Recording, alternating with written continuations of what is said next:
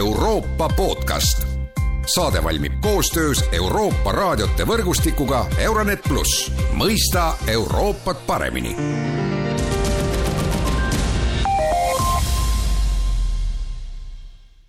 tere ja head uut aastat! alustame selle aasta esimese Euroopa podcastiga. ja alanud aasta tõotab kujuneda igasuguste ajalooliste tähtpäevade aastaks, need on olulised nii Eestile kui ka Euroopale. Kuid oodata on ka olulisi poliitilisi sündmusi. aastat kaks tuhat kakskümmend neli on tulnud stuudiosse lahti rääkima Postimehe arvamustoimetaja Ago Raudsepp, tere päevast! tere ja head uut aastat ka minu poolt! ja mina olen Erkki Vahovski. no hakkame lihtsalt pihta, et kaks tuhat kakskümmend neli, et kui sealt hakata näiteks maha lahutama, eks, kümnendeid, siis saame kaks tuhat neliteist Krimmi okupeerimine, annekteerimine ja kaks tuhat neli Euroopa Liitu ja NATO-sse astumine või siis Euroopa Liidu ja NATO suur laienemine, need on ju tegelikult nende noh, mitmete geopoliitiliste protsesside kaks külge jaa, täiesti näi-, nõus sinuga, et, et Euroopa podcastis eh, sobib igati nendest, nendest aastanumbritest rääkida, sest, sest neil on ju olemas väga selge seos, eks, et et kui me mõtleme, mille pärast siis kümme aastat tagasi inimesed Maidanile tulid, eks, siis ju sellepärast, et nad tahtsid Euroopa Liitu, eks. ja, ja mõtleme siis, et meie olime siis ainult kümme aastat enne seda, eks, Eesti, Eestiga äh, jõudnud nii Euroopa Liitu kui ka NATO-sse. ja, ja noh, tegelikult eks neid seoseid leiab veel, et äh, aga, aga, aga, aga jah, selge on see, et et äh, Euroopa jaoks on see neljaga, neljaga lõppevad aastad on, on, on väga tähend-, tähe-, tähendus, tähendusrikkad. no jaa, siit edasi, et äh, üheksakümmend neli ju läksid ära Vene väed Eestist ja üldse tegelikult ju Eestist lahkusid Vene väed äh, viimasena Ida-Euroopast, et noh, tegelikult see võib üheksakümne neljandat aastat ka mõista niimoodi, et see oli aasta, mil nii-öelda Varssavi või idabloki, Varssavi pakti või idabloki maadest läksid Vene väed ära ja ja, ja algas siis põhimõtteliselt selline kiirem liikumine Euroopa Liidu ja NATO suunas. Jaa, täiesti õige, et, et ega kui nad poleksid ära läinud, siis, siis väga raske ette kujutada, et me oleksime äh, oma eesmärgini jõudnud. ja noh, Toomas Hendrik Ilves ju siin hiljuti intervjuus on öelnud, et, et, et Euroopa Liit ja NATO on omavahel väga lähedases seoses. ja mina olen taga, temaga ajaloolasena absoluutselt nõus, et et mina isegi julgeksin väita, et noh, teatavasti ju NATO loodi ju enne, kui, kui hakkas liikumine Euroopa Liidu suunas, eks, NATO loodi nelikümmend üheksa, ja esimesed äh, Euroopa Liidu olulised asjad tulid ju hiljem, eks. et mina isiklikult olen täiesti kindel, et ilma NATO turvalisuse kaitseta oleks Euroopa riikidel olnud, kui mitte võimatu, siis väga palju raskem omavahel liituda. no Ilves seal intervjuus ju ütles ka seda näiteks, et saadi aru, et Eestis saadi aru, et üheksakümnendate lõpus, et NATO-ga liitumine ei pruugi tulla nii kiiresti või ei pruugi kohe õnnestuda, et enne tuleb saada Euroopa Liitu ja siis selle kaudu noh, oleks mõeldamatu, et mingi Euroopa Liidu riik blokeeriks NATO-ga, NATO-ga liitumist, et noh, tegelikult see oli ka selline geopoliitiline kavalus. jaa, see oli selline, selline, see oli selline taktikaline arusaam, noh nagu ta seal intervjuus räägib jah, et, et üheksakümnendate alguses ju ega Eestis äh, Euroopa Liit väga ei huvitanud inimesi, eks, kõik tahtsid NATO, NATO, NATO, eks, et me tahame, tahame ikkagi konkreetset äh, kaitset äh, agressiivse naabri eest. sest naaber oli tõesti juba sel ajal agressiivne, ärme unusta seda, et üheksakümne kolmandal aastal äh, ju Venemaa seaduslik parlament ju sisuliselt annekteeris ju Sevastopoli, eks. Ukraina koosseisu kuuluva linna, ta lihtsalt kuulutas selle Venemaa omaks, eks ja üheksakümmend neli algas Tšetšeenia esimene sõda. just nimelt, et, et see naaber, noh, Eestis oli küll väga selge, et, et see naaber ei ole põhimõtteliselt muutunud, ärme unusta ka seda, et see naaber ju ei tunnustanud mitte kunagi Eesti okupeerimist. isegi siis, kui välisminister oli eh, Koosõrev, eks, kellest ilmselt liberaalsemat välisministrit pole Venemaa ajaloos mitte kunagi olnud. isegi tema ei tunnistanud ju seda, et see, mis Eestis toimus, et see oli okupatsioon jätame mõne kümnendi nüüd vahele, ehkki sealt leiaks ka põnevaid aastanumbreid, aga tulemas tuhat üheksasada nelikümmend nelja, neli, eks ole, ja, ja noh, see tähendab ju mitmeid selliseid olulisi tähtpäevi ja need ei ole ainult ajaloolised tähtpäevad, need tegelikult ju noh, nõuavad debatti ka praegu, kui käib Ukraina sõda, no ma mõtlen siin näiteks märtsi pommitamist, Sinimägede ja Emajõe lahinguid, Eesti taasokupeerimist Punaarmee poolt, noh, see kõik on ju tegelikult seotud ka või mõtestatav ka Ukraina sõjaga. täiesti nõus sinuga noh, mina alustaks äh, nendest pommitamistest ja ja meenutaks seda, et jah, meil on, äh, olid märtsi pommitamised, aga Soomes olid veebruari pommitamised, eks, mis, mis toimusid äh, noh, mõned nädalad enne meie märtsi pommitamist. ja need Helsingi pommitamised, noh, Soome ajaloolased nimetavad neid ka rahupommitamisteks, sest Soome taheti pommitada ju alistuma, eks, sisuliselt kapituleeruma ja, ja mida ju Venemaa teeb praegu Ukrainas, eks, eks tema huvi on täpselt seesama, eks ju. Mini-, miinimumprogramm on ju see, et, et, et Ukraina soometada, eks, nii, nii nagu soometati Soome, eks, ja maksimumprogramm on see, et Ukraina äh, täielikult kapituleeruks, eks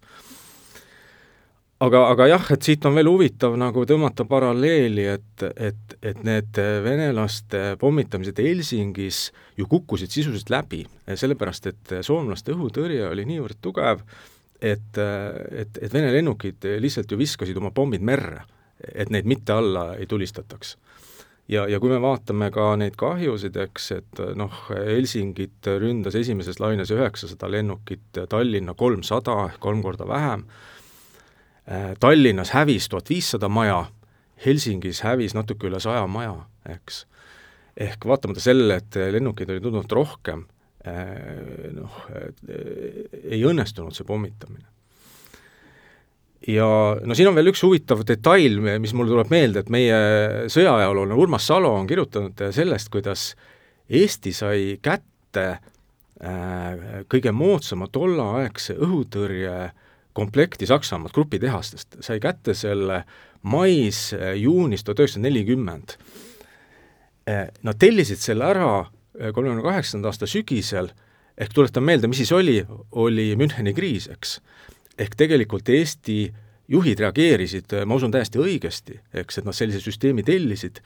ja see oli kaheksa komplekti radarjuhtimisega äh,, väga moodne ja nad maksid sellest kaks miljonit krooni ja kui me paneme siia kõrvale, et kahe allveelaeva eest maksti kaheksa miljonit krooni, siis me saame aru, kui suur investeering see oli, mis tol ajal tehti, eks. kaks miljonit krooni oli väga suur raha. täie, täiesti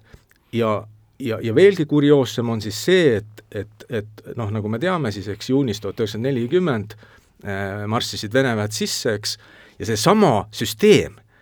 oli aasta hiljem, tuhat üheksasada nelikümmend üks, paigutatud Moskva kaitsele ja see oli Nõukogude Liidu esimene radariga juhitav õhutõrjesüsteem, et mõtleme selle peale. ja, ja need allveelaevad ju läksid ka Punaarmee koosseisu no nendega oli veel see huvitav lugu, et neid tahtis ju ka Hitler ära osta. aga Hitlerile öeldi, et Eest me ei saa neid müüa, sellepärast et kogu Eesti rahvas kogus nende allveelaeva, laevade ostmiseks raha. et me ei saa neid lihtsalt müüa. ja noh, Eesti ajaloost veel tegelikult, kui me liigume nagu ajas tagapoole, tahapoole, et siis noh, kolmkümmend neli oli Pätsi riigipööre, aga mis võib-olla Ukraina sõja valguses on huvitavam, on see ju, et möödub sada aastat detsembri mässust ja see kõik, eks ole, tuletab meelde seda viiendat kolonni ja seda, kuidas siis Venemaa õhutab neid igasuguseid meeleolusid, seda siis sada aastat tagasi, aga ka praegu. jah, et, et mina toimetan ju ka Postimehe jaoks neid äh, vanu uudiseid vanadest, vanadest postimeestest. ja, ja see esimese detsembri mäss tuhat üheksasada kakskümmend neli, see oli ikka Eesti ühiskonnale täielik šokk ja see oli täielik äratuskell, et kuulge, mehed, et et hakkame nüüd ikkagi seda riigikaitset tõsiselt võtma ja näiteks ka räägiti sellest Kaitseliidust, eks, et, et Kaitseliitu tuleb hoopis teistmoodi hakata suhtuma. ja toodi eeskujuks Soomet, mis tegelikult pidas oma Kaitseliitu üleval põhiliselt vabatahtlike annetustest. et toodi näiteks, et kallid sõbrad, et me peame ka ise hakkama oma riigikaitsesse panustama, et see ei ole niimoodi, et et me võtame ainult riigieelarvest kõik selle raha, eks ja, ja noh, kom-, nii-öelda see heatahtlik suhtumine kommunistidesse Riigikogus olid ju kommunistliku partei liikmed ju, see lõppes tegelikult väga kiiresti. absoluutselt, Eestis ju ikkagi põhimõtteliselt eh, kommunistid eh, eemaldati avalikust elust, eks erinevalt Soomest. et Soomes eh, toimus see tunduvalt hiljem ju alles tuhande üheksasaja kolmekümnendal aastal, eks. et, et jah, ja, ja ma arvan, et Eestis tehti õieti, et, et me ei saa ikkagi öelda, me ei saa võtta demokraatias sellist